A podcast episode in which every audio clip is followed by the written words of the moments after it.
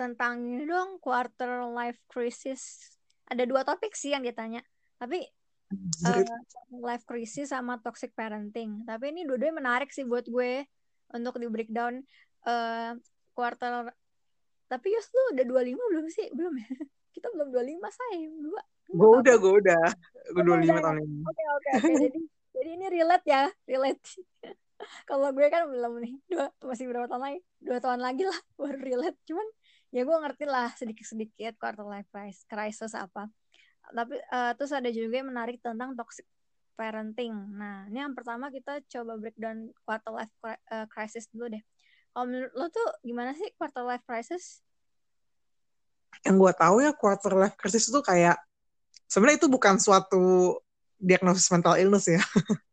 Itu kayak keadaan aja gitu. Karena dan gak mesti pas 25 maksudnya ya usia-usia 20-an awal sampai 30-an awal lah. Kayak lu tuh lagi dalam keadaan uh, insecure terus eh, ragu-ragu terus uh, lu mungkin juga kecewa sama keadaan misalkan karir lu terus uh, relationship lu terus keadaan keuangan lu. Karena usia-usia segitu ya usia-usia kita nih adalah kita.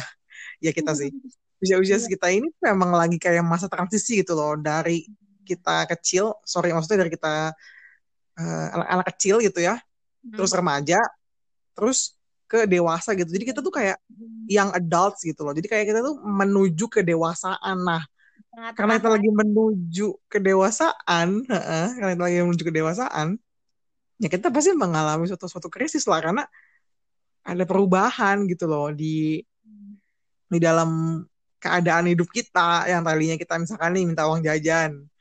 Kita kan udah kerja jadi kan harus ya harus atur keuangan. Terus kan nggak semua orang bisa atur keuangan. Terus misalkan udah mulai cari-cari pasangan untuk menikah untuk membangun rumah tangga sedangkan misalkan kayak gue jomblo mulu gitu.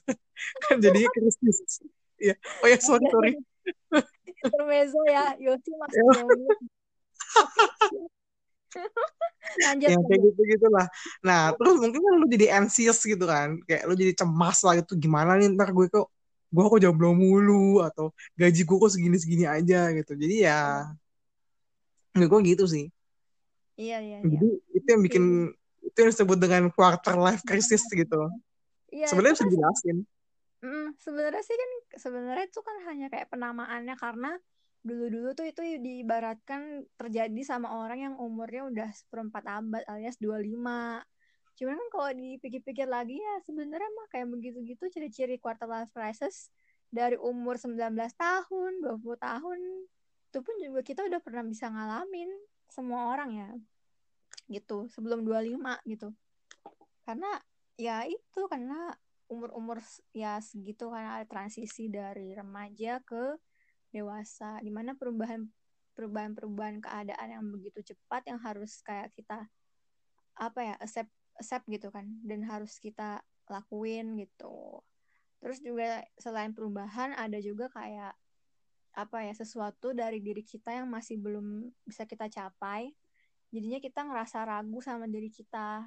Kita mampu nggak ya untuk mencapai achieve apa yang kita inginkan di situ sih yang gue yang gue ini ya yang menurut opinion gue ya untuk itu kan. Apalagi semua manusia kan mau apa ya ada uh, achievement sendiri kan dalam hidupnya. Maksudnya di umur segini gue harus ini gitu kan. Misalkan di umur 25 gue beli rumah atau di umur 25 gue harus nikah atau apa. Tapi ternyata pas mereka di umur segitu mereka belum achieve. Jadinya mungkin timbullah itu tadi gejala-gejala quarter life crisis tadi kayak gitu sih terus abis itu tapi tadi kata Yosi ini ya quarter life crisis itu bukan apa ya ciri-ciri mental illness atau bagian dari mental illness ya bukan ya Yos ya kalau misalkan lu berlebihan gitu krisisnya, lu berlebihan stresnya, lu berlebihan cemasnya ya bisa menjadi mental illness juga. Tapi ya, kalau cuman ya kalau cuma krisis gitu doang sih nggak apa-apa itu kan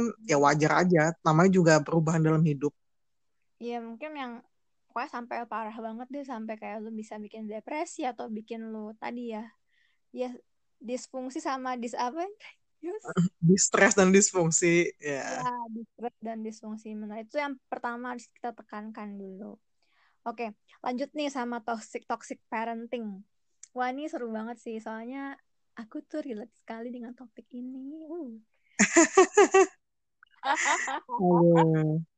Iya, iya, tapi ya menurut lo dulu deh. Hmm, sebenarnya mem kalau eh, apa ya? Kan dari sesuatu eh bukan sesuatu ya. Dari yang pernah gue baca dan gue dengar kalau sebenarnya mental illness juga ada penyebab-penyebabnya tuh ya. Entah dari mungkin masa kecilnya kah atau dari apanya kah gitu ya. Sesuatu kejadian pengalaman yang nggak terenak, yang nggak mengenakan gitu. Nah, menurut lo sendiri nih, toxic parenting itu bisa nggak sih jadi penyebab adanya mental illness pada seseorang gitu? Ya bisa sih, bisa banget lah. Uh, hmm. Jadi manusia itu kan dibentuk dari dari nature N A T U E R E ya N U R T U R E. Jadi nature itu kan alami ya sih kayak lu gimana lahirnya gitu gen yang dalam tubuh lu sama nurture nurture itu ya didikan, bimbingan orang tua lu, bimbingan lingkungan lu, didikan lingkungan lu, teman-teman lu gimana gitu. Nah, dari kecil orang tua kita kan sangat besar pengaruhnya terhadap nurture kita. Betul. Uh, bagaimana kita melihat sesuatu, bagaimana kita memandang dunia gitulah istilahnya itu kan sangat erat kaitannya hmm. dengan orang tua kita. Jadi misalkan nih orang tua kita terlalu ngatur gitu, terlalu uh, ngekang. Kita jadi kayak bisa juga kita anaknya itu bakal jadi kayak takut untuk mencoba hal baru atau takut untuk ke lingkungan baru gitu. Karena sama orang tua selalu dikekang ditutup dilindungi tanda kutip. Atau sebaliknya dia jadi rebel gitu. Jadi kayak merasa kayak gue perlu untuk uh, nakal perlu untuk uh, membangkang untuk keluar dari rumah ini atau gimana gitu nah iya, iya. ciri-ciri toxic parent tuh ya banyak ya. Mm. Um, yang paling lumayan sering tuh kalau di Indonesia menurut gue tuh uh, suka comparing gitu ya ke anak tetangga apa anak-anak saudara yang lain gitu.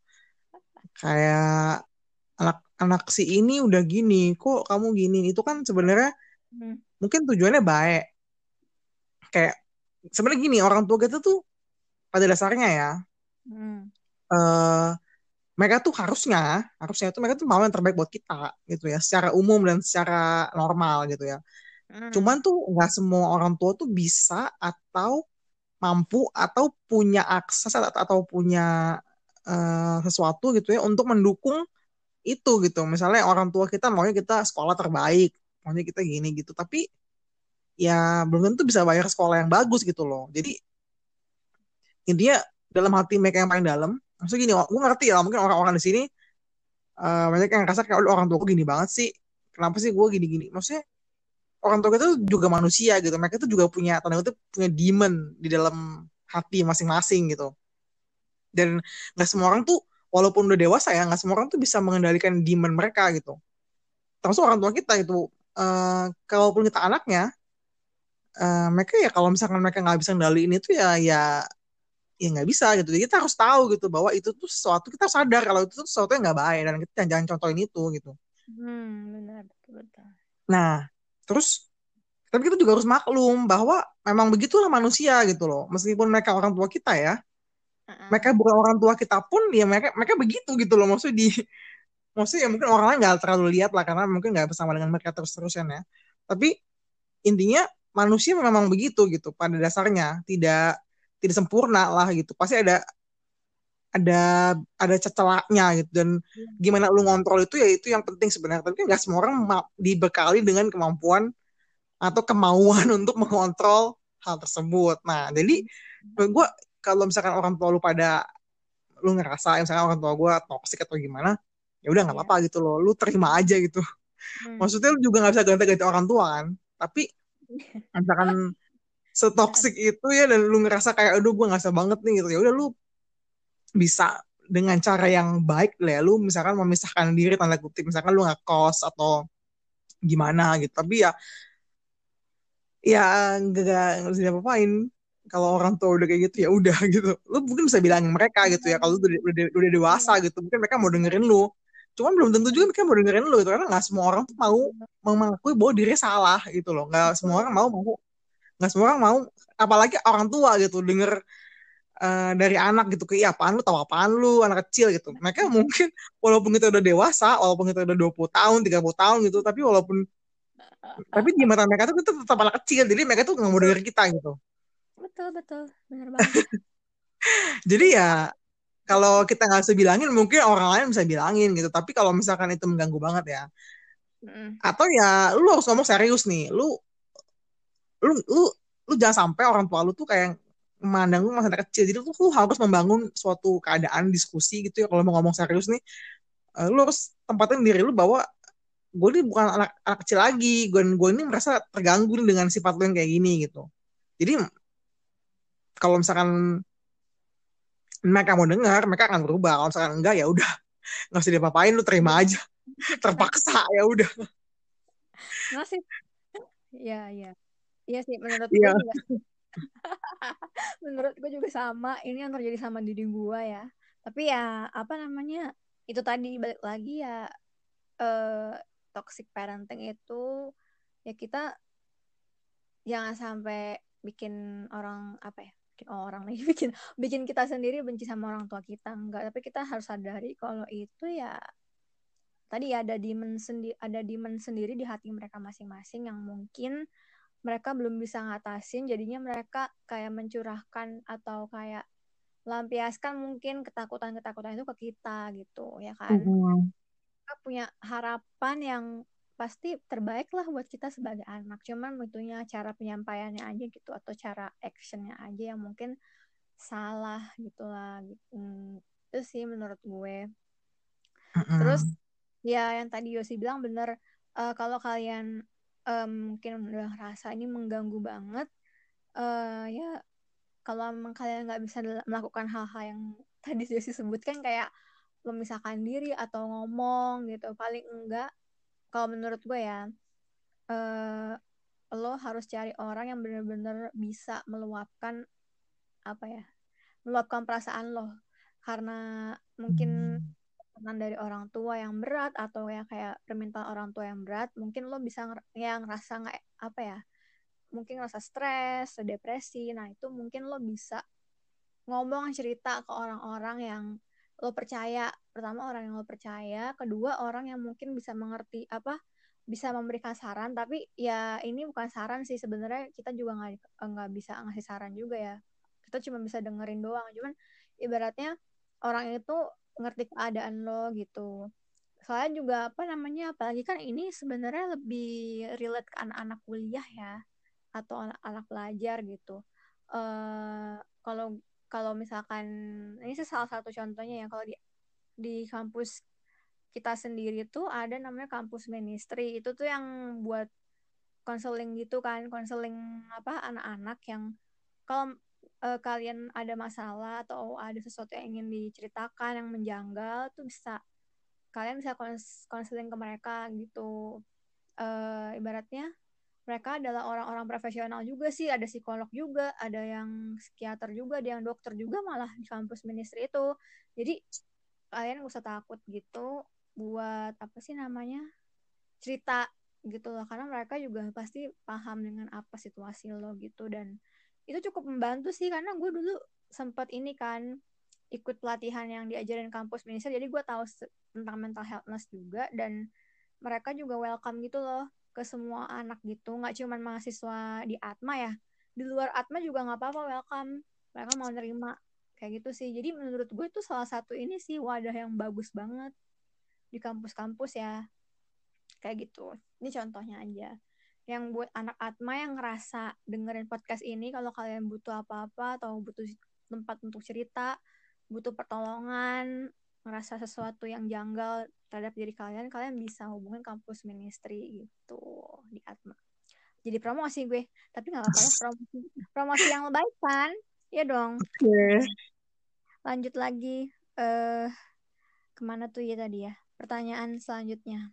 Eh oh nih gimana ngeyakinin orang yang kemungkinan punya mental disorder buat konsul ke psikiater nah hmm. ini nih. Nah, kita tanya dulu kenapa lu nggak mau ke sono? Soalnya macam-macam masalahnya ya. Misalnya Pasti. nih. Uh-uh. enggak macam-macam masalahnya nih. Bisa aja dia malu gitu ya. Misalkan ah enggak lah iya. gue malu. Ntar dipikir gue gila segala macam lah gitu.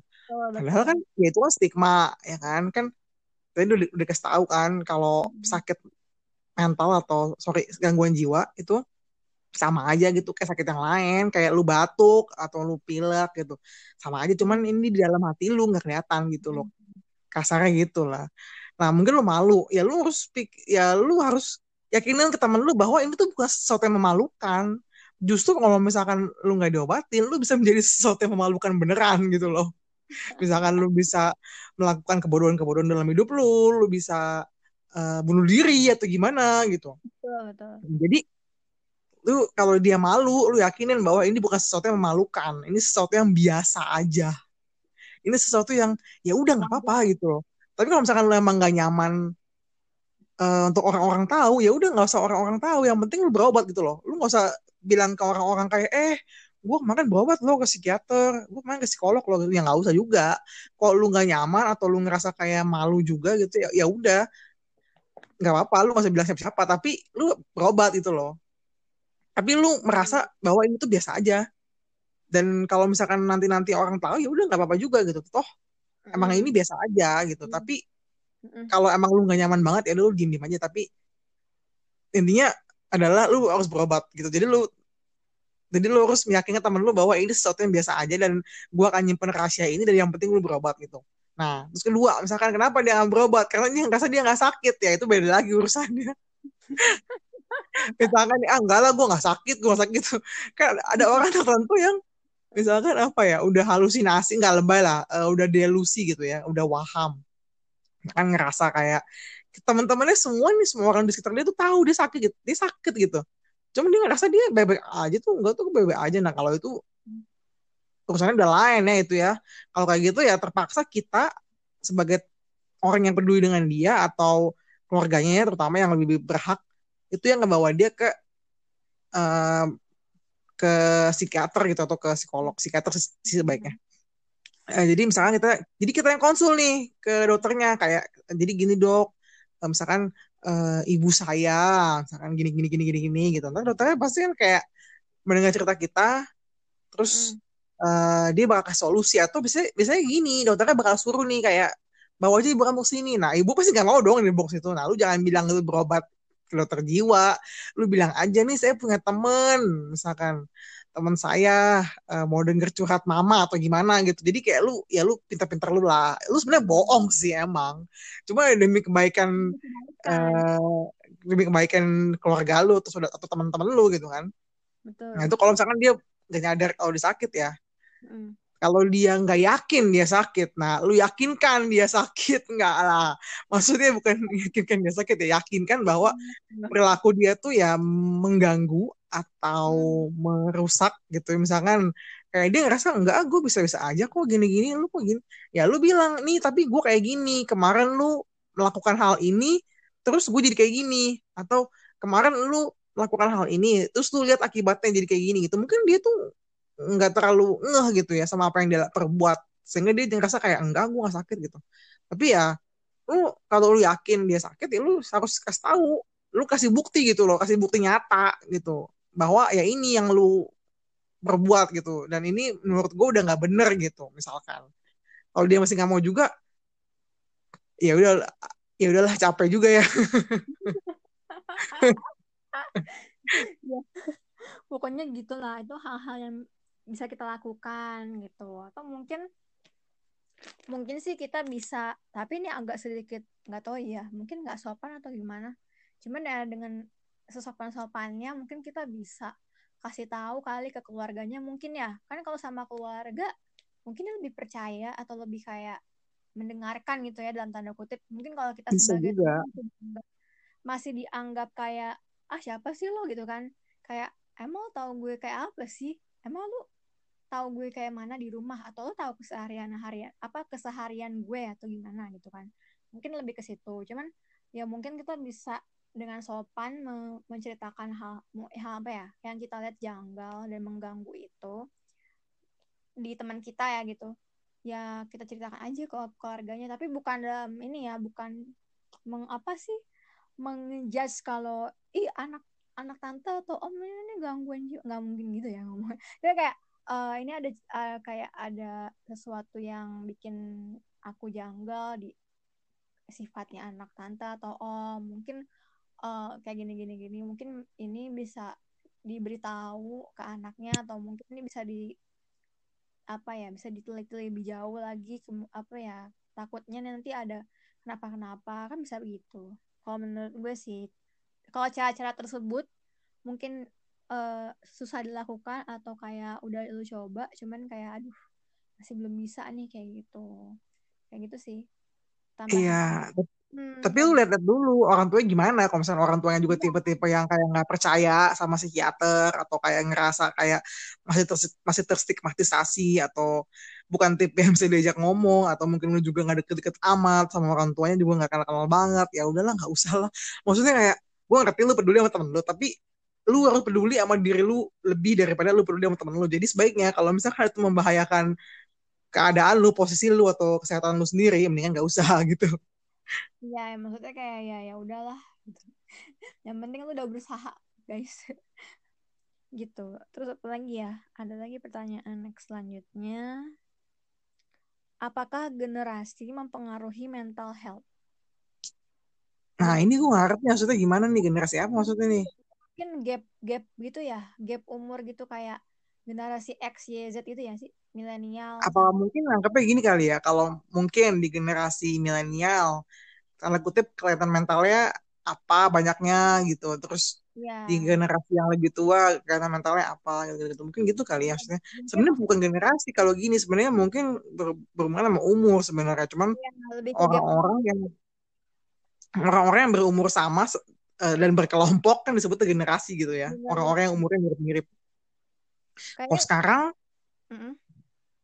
kalau menurut gue sih mungkin lebih ke sini kali kan. Kan kalau kalau semakin zaman zaman sekarang kan makin booming nih ya tentang mental healthness mental healthness mungkin orang-orang yang zaman dulu mikirnya ah lemah banget sih nih generasi sekarang gitu kali ya. Uh, lemah banget sih generasi sekarang apa-apa dikit-dikit mental illness mental illness kayak gitu-gitu dulu gue di apa-apa sama ortu gue disambit-sambit di apa-apa juga gue nggak mental illness. Mungkin kayak gitu kali ya bahasa kasarnya gitu kan. Tapi kalau misalkan mereka ngomong gitu itu udah mental illness juga sih sebenarnya sih. Cuma kan mereka nggak mau ngaku aja. Ya, tapi gue pernah lihat nggak tahu di postingan thread Twitter ya. Kan kalau Twitter kan banyak banget tuh yang meng apa ya men ngasih tweet tentang mental illness gitu kan depresi segala macem. Uh, terus dia per ada yang ngomen gitu orang tua gue kayak ngomentarin mental illness tuh kayak gitu. Karena zaman dulu kayaknya nggak nggak ini banget dia soal mental illness gitu gitu lah. Mungkin lebih ke situ kali ya. Gue nggak tahu ya kalau sekarang ini kan gini loh. Teknologi udah lebih canggih. Akses kita ke informasi udah lebih banyak. Mm-hmm. jadi kalau misalkan saat ini generasi yang lebih muda lebih terbuka matanya lah gitu tanda kutip mm-hmm. lebih aware gitu ya ya ya wajar lah. Orang aksesnya udah lebih banyak gitu dibanding zaman dulu. Misalkan zaman kita masih SD mana ada sih internet internet kita juga nggak tahu nggak tahu banyak gitu kan. Kalau sekarang kan ya kita udah tahu info-info kita baca kita bisa baca kita bisa dengar bisa nonton di YouTube segala macam.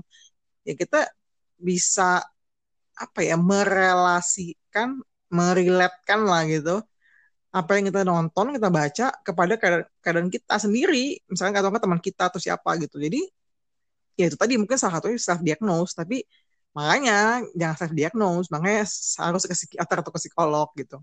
Iya iya benar-benar Paling oh, soal generasi itu kenapa jadinya? Uh, apa namanya uh, kalau menurut gue sih mungkin lebih ke ini kali ya. Yang generasi-generasi itu kayak menyikapi tentang mental illness sendiri kayaknya deh. Kalau menurut gue ya saya kan yang gue tangkep ya memang hmm. belum ada yang aware banget soal mental illness nih kan kayak ibaratnya masih tabu lah. Tapi lama kelamaan karena perkembangan zaman dan teknologi jadinya generasi sekarang lebih melek dan lebih apa ya lebih aware lagi tentang mental illness. Sebenarnya lebih ke situ kali ya generasi mempengaruhi mempengaruhi mental health ya. Ya itu tadi. Mungkin generasi yang sekarang bisa kemungkinan bisa lebih apa ya dini mengatasi mental illness yang mereka punya. Karena karena mereka juga udah punya informasi yang cukup uh, tentang gejala-gejala mental illness yang mungkin mereka apa ya alami. Dan mereka juga udah tahu nih. Tapi itu bukan self diagnosis maksudnya kayak tahu cukup tahu dan mereka juga bisa apa ya konsul langsung ke tenaga profesional ya kan? Uh. kalau zaman dulu kan orang-orang zaman dulu kan pikirannya masih kayak ah ngapain sih ke psikiater atau ke psikolog? E, dikiranya oh gangguan jiwa lah. Harus mungkin mereka harus di dikucilkan dari masyarakat. Sebenarnya lebih ke situ sih dikucilkan di masyarakatnya itu sih kan. Itu kan kayak jadi sanksi sosial kan. Kalau ketahuan kayak gitu-gitu apa pergi ke psikiater ke psikolog kayak gitu. Bahkan kan sampai sekarang sampai sekarang ini pun kita masih ngeliat kan kayak anak-anak apa ya anak-anak yang punya mental illness pun dipasung gitu kan yang punya mungkin halusinasi atau apa gitu kan yang dipasung di kampung-kampung sih terutama bukan di kota besar. Cuman tuh sih yang kasihan harusnya lebih kayak uh, digerakkan lagi gitu pentingnya mental illness ini gitu. Karena kan sudah udah 2020 masih ada yang kayak gitu gitu kan. Jadi kasih sedih sih sebenarnya ya. Harusnya mereka bisa disembuhkan secara biasa secara normal tapi kayak dilakukan diperlakukan yang tidak manusiawi gitu kan. Itu kayak gitu sih sebenarnya. Jadi menurut gue sih lebih ke situ ya. Lebih cara menyikapinya mental illness. Dan lebih cara untuk mengatasi atau mem mempunyai mental health yang bagus gitu ya. Kayak gitu. Mm. ini lanjut kayaknya ini pertanyaan terakhir untuk hari ini. Ciela untuk topik ini Oke. Okay. Ini dari temen gue. Nah ini agak lumayan menarik sih. Uh, solusi atau pendapat untuk orang yang mengalami stres, mental disorder dan sebagainya yang masih tinggal bersama orang tua dan anggota keluarga yang tidak dapat menerima hal itu. Contoh tidak menganggap anaknya autis atau fobia. Nah ini nih salah satu teman gue sih. Ini teman gue yang nanya di IG Nah, dia tuh kemarin pas gue nge-up apa ya? Uh, pertanyaan di IG story, dia WA gue, terus kayak ternyata tuh dia ikut tes gitu di internet. Nanti gue gue kasih ini deh apa linknya ke lo. Uh, dan di situ tuh kayak untuk apa deteksi uh, seberapa persen atau gimana ya seberapa persen lo tuh kemungkinan autism punya out ciri-ciri autis gitu kayak gitulah. Terus dia bilang kalau dia uh, skornya 35 dan dia ngasih nilai apa ngasih tahu gue nilainya itu 35 terus ada penjelasannya dalam bahasa Inggris. Pokoknya intinya tuh dia punya kebiasaan uh, ini apa namanya repetitif. Jadi dia punya kebiasaan yang berulang-ulang sehari-hari yang dia tuh nggak sadar gitu ngelakuin berulang-ulang. Tapi gue nggak tahu sih ini emang emang ciri-ciri autis atau gimana? Cuman kan gue uh, gak mendiagnos dulu terus gue bilang uh, emang lu yakin kalau itu salah satu ciri-ciri autis? Gue bilang gitu kan. Eh, nggak uh, tahu nih makanya gue coba nanya ke lu gitu kan. Siapa tahu ini ya maksudnya kayak dia mau nyari ke apa ya validan gitu sih Yos kayak gitu. Kalau okay. men kalau menurut lo tuh gimana sih autis itu kan bukannya ini ya kayak dari saraf otak gitu ya?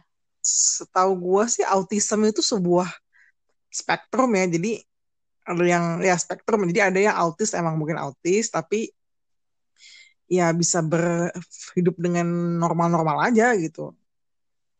Nah tapi hmm. gini biasanya autism itu tuh uh, dideteksi tuh pas kecil pas kayak usia-usia ya lima enam tahun gitu. Jadi waktu waktu masih awal-awal karena biasanya tuh autism spektrum ini berhubungan dengan uh, sosial, setahu gue ya, uh, dengan hubungan sosial dia gitu ke orang lain gimana kan ada orang yang benar-benar nggak bisa baca banget orang tuh marah atau orang tuh sedih gitu. Ada yang nggak bisa baca situasi, ada yang kayak ngerti banget gitu. Sorry ini tuh gue agak nggak terlalu paham ya karena ini uh, ranahnya ranah yang psikiatri anak dan remaja gue gak tau paham Tapi setahu gue Iya. spektrum, setahu gue autisme itu spektrum dan um, itu tuh eh, menurut gue kalau misalkan lu tes di internet itu kayak eh, nggak valid banget menurut gue nih, karena itu Hmm. banyak banget aspeknya dan autism itu spektrum jadi itu banyak banget. Maksudnya bener banyak kayak misalnya Asperger syndrome itu udah itu autism autism juga gitu atau kan ADHD itu juga autism juga tapi kayak pada spektrum yang mana lu berada gitu. Jadi kayak yang parah banget atau enggak yang nggak parah-parah amal gitu. Tapi ya satu spektrum gitu autism. Nah menurut gua kalau temen lu baru memahami dirinya autis tanda kutip saat dia dewasa mungkin bukan autis mungkin yang lain. Mungkin Hmm. nih kalau misalkan em, kebiasaan berulang-ulang mungkin OCD OCD itu kan obsessive compulsive disorder. Tapi belum tentu juga OCD mungkin memang cuma ya kebiasaan aja gitu. Maksudnya apa yang diulang gitu? Apakah itu mengganggu? Misalkan nih ada orang yang kalau OCD ya OCD beneran. Ada orang yang kepikiran terus jadi OCD OCD itu tuh terdiri dari dua aspek ya. Obsesif kompulsif ya. Obsesif itu pikiran lu nih berulang-ulang terus di kepala lu nih. Um, misalkan lu takut apa ya? Misalkan nih corona nih corona ya. Misalkan lu takut Hmm. corona itu berulang-ulang terus di kepala lu nih ber- aduh gue takut nih kotor nih ntar nih tangan gue. Gue takut barang-barang gue pada kotor yang kena virus. Gue takut ntar eh, gue keluar rumah kececeran virus atau apa gitu. Itu obsesif. Dan itu lu pikirin terus menerus kalau kompulsif itu bagian dari OCD ya. O- OCD kan obsesif kompulsif kompulsif itu adalah em, perilaku lu yang berulang untuk menghilangkan tanda kutip obsesi lu misalkan. Kalau lu terobsesi sama corona dan lu takut kotor takut virus gitu lu akan cuci tangan terus nih. Itu sebagai kompensasi kompensasi dari obsesi lu. Makanya lu melakukan tindakan kompulsif. Jadi kayak lu gue pengen aduh gue takut nih tangan gue kotor ada virus ya gue cuci tangan. Terus nggak lama aduh gue takut nih masih kotor gue cuci tangan lagi gitu. Jadi tuh kayak terus-terusan gitu loh. Itu yang makanya dia melakukan kegiatan yang berulang-ulang dan gak, jadi nggak setiap kegiatan yang berulang-ulang itu OCD harus tahu apa apakah ada obsesinya dan apakah tindakan berulang itu dilakukan untuk sebagai kompulsif sebagai uh, sebagai um, kompensasi untuk menghilangkan kepala di kepala lu itu yang ada obsesi pikiran obsesi itu gitu. Nah menurut gua ini gua gak tahu juga nih gue juga gak tahu cerita yang kape cuma menurut gua ya eh, temen lu tuh nggak nggak kenapa sih bye-bye aja gitu loh. Ya, ya, ya. cuma mungkin ya lagi dalam kondisi kayak gini ya semua orang mungkin lagi nggak nggak enak perasaannya atau gimana gitu.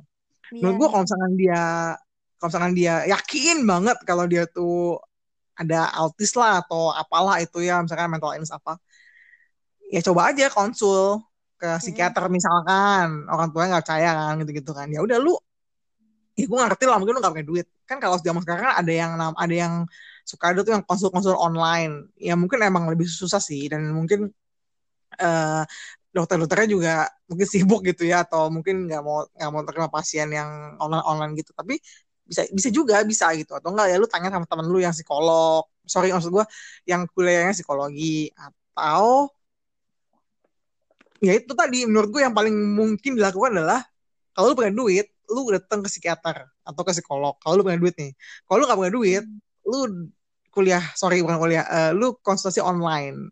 Yang kayak di Alo Dokter atau di mana lah tuh. Banyak kok yang sekarang gue liat di internet tuh yang kayak bunda.id lah apalah banyak banget yang sekarang menyediakan jasa-jasa kayak gitu jasa-jasa kayak psikiater psikolog gitu. Menurut gue gitu sih. Tapi menurut gue nih kalau menurut gue mungkin temen lu gak kenapa cuma kan gue juga gak tahu nih ya mungkin dia emang kenapa-napa. Tapi menurut gue bukan sih. Gue aneh banget gitu autis tuh usia-usia 20 tuh kayak jarang banget gue gak pernah dengar. Kalau autism itu pasti dari kecil biasanya. Nggak mungkin tiba-tiba muncul autis gitu pas gede itu kayak gue belum dengar. Mungkin gue belum belajar lagi tapi setahu gue sih nggak uh, ada ya. Iya iya Iya sih, soalnya juga ini tadi uh, sebelum kita record itu kan gue up lagi siapa yang mau nanya. Tiba-tiba dia nanya ini tuh. Jadinya ini pertanyaan yang belum Yosi pelajari. Dadakan. Apalagi ya, kalau menurut gue sih ya bener sih kalau dia ikut-ikut tes di internet gitu kan belum valid juga. Terus juga sebenarnya yang harus dilakukan itu adalah konsultasi ke orang yang profesional. Kayak tadi psikiater atau psikolog gitu kan. Uh, ataupun nanyalah sama temen psikologi yang udah belajar psikologi. Uh, cuman menurut gue kalau tadi lu nggak punya duit sama sekali ini gue coba bantu ini ya apa kasih ini aja apa tambahan saran. Itu di setiap puskesmas itu ada psikiater satu. Jadi kayak mereka udah nyediain psikiater psikiater gitu sih di tiap puskesmas. Harus saya di Jakarta. Jadi sebenarnya lu bisa coba ke puskesmas terdekat di rumah lu dan bisa cerita. Oh iya, benar-benar. Bisa juga tuh kalau lu gabungin BPJS, lu berobat hmm. gitu ya ke puskesmas dekat rumah lu atau ke mana lah itu yang rujukan paskes yang tingkat satunya itu yang di BPJS tuh terus lu berobat ke situ lu mungkin pertama-tama dokter umum dulu lah ya lu cerita aja lu begini begitu ntar kalau emang lu beneran ada sesuatu dia pasti bakalan nge-refer lu ke psikiater dan itu gratis kalau pakai BPJS iya benar-benar Iya, dan itu sangat membantu juga sih dari pemerintah sendiri kan udah nyediain ya uh, psikiater-psikiater di puskesmas bahkan yang mungkin orang-orang belum tahu juga sih tentang ini ya. Cuman ini gue kasih tahu aja kalau di puskesmas juga ada psikiater jadi kalau kalian mau konsul ya yeah. punya BPJS bisa gratis lumayan ya kan buang duit seperti itu Oke, Tadi ada lagi, sih, apakah sugesti bisa menyembuhkan penyakit? Uh, yang tadi yang sugesti, oh, iya, sugesti ya. itu. Sugesti. Kalau dari lu dulu deh. Kan Kalau menurut gua ya tergantung sakitnya apa dulu. Misalkan nih cancer gitu ya. Waduh, kayak, kayak berat tuh kayaknya kalau cuma sugesti doang.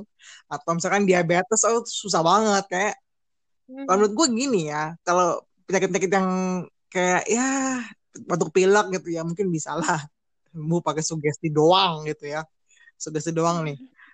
Cuman menurut gua tanda kutip sugesti itu kan maksudnya kan gini istilah sugesti itu kan misalkan kayak uh, pikiran positif yang lu masukin dalam diri lu gitu kan. Dan, dan lu yakini dan lu percaya gitu. Nah menurut gua sugesti itu nggak hmm. bisa su sorry sugesti doang itu nggak bisa nyembuhin penyakit lu. Tapi sugesti ditambah dengan obat ditambah dengan lu ke dokter misalkan atau misalkan lu operasi atau apa lu menjalani prosedur yang ada lah gitu. Itu sugesti itu bisa sangat membantu. Tapi sugesti nggak bisa hmm. sendiri. Nggak mungkin lah lu sakit diabetes gitu misalkan. Terus lu makan sembarangan lu minum sembarangan minum manis-manis apa segala macam. Terus lu sugesti-sugesti doang sembuh itu ya mungkin lah. Ya sugesti ini sebenarnya gini Betul. ada hubungannya dengan hormon kortisol namanya. Jadi hormon kortisol itu sebut juga dengan hormon stres. Nah hormon kortisol ini kata kutip jahat lah gitu. Kalau misalnya lu stres dan stres lu ini nggak teratasi hormon kortisol lu itu bakal meningkat kadarnya dalam darah lu. Dan ini tuh udah banyak banget penelitiannya. Kalau hormon kortisol ini um, bisa macam-macam apa ya uh, akibatnya sorry um, reaksi dalam tubuh lah gitu.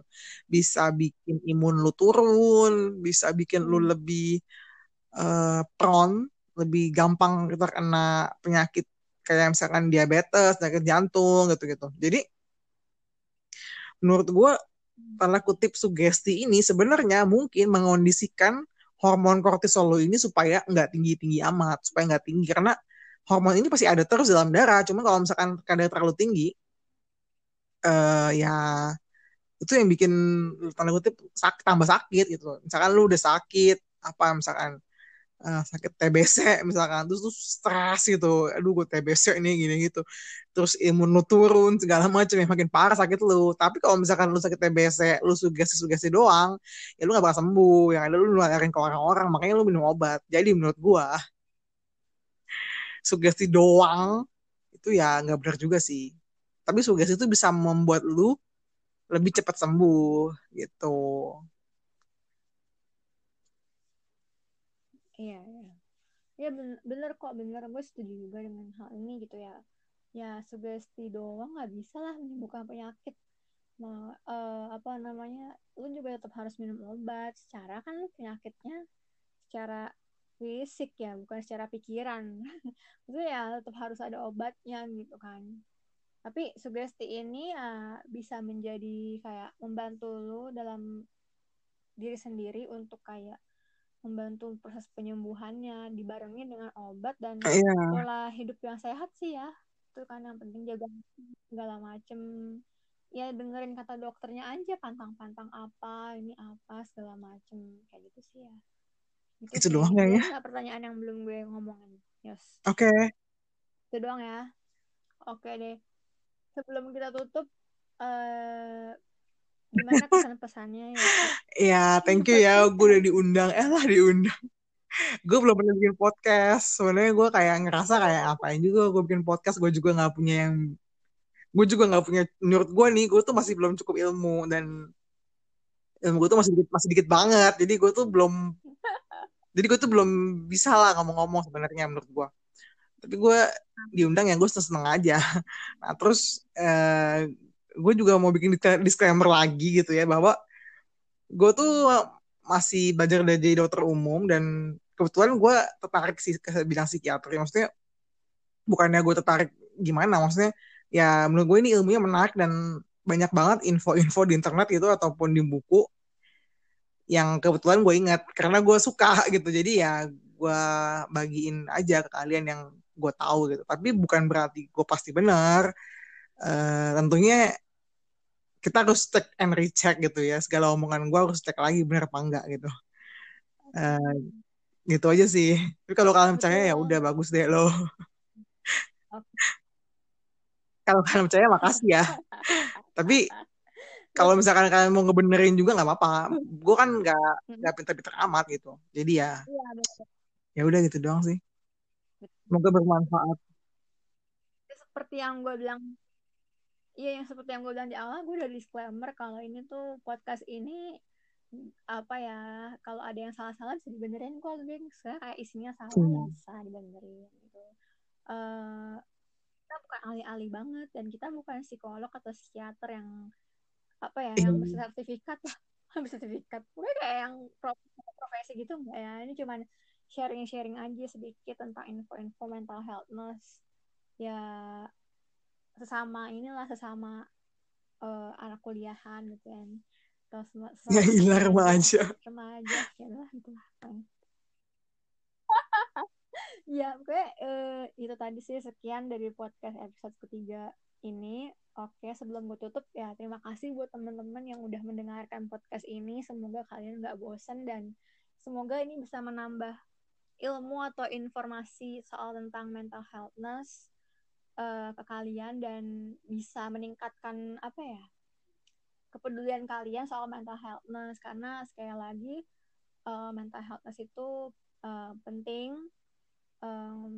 nggak um, ada maksudnya nggak sesuatu yang nggak nggak penting dan itu bisa mengganggu diri kalian sendiri dan orang lain. Terus juga apalagi ya? Terima kasih buat Yosi yang sudah bersedia enggak lagi lalu bukan narasumber gue enggak enggak gue bukan narasumber guys. Gue cuma temennya Angel yang kebetulan diminta untuk ngomong di sini. Udah gitu doang. Kita sama-sama belajar. Uh, Iya bener sama pokoknya kayak ber, inilah menjadi ini teman yeah. sharing gue lah di Sip. podcast kali ini. Jadi gue nggak sendirian lah kan di episode ini. Uh, uh, jadi ada oh, ada, temennya gitu kan.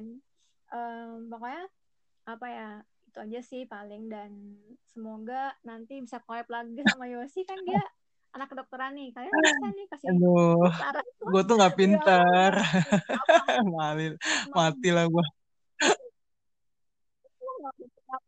lu ya jadi dokter. Ntar jadi dokter dia. Uh, pokoknya kayak ya topik-topik kesehatan masuk-masuk aja ya. Segala macam boleh. Nah ya maksudnya uh, bisa lah kasih kasih apa masukan aja ke sini.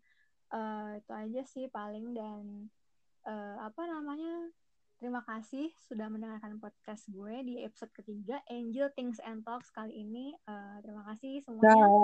Bye bye, dadah. Makasih ya Yosi.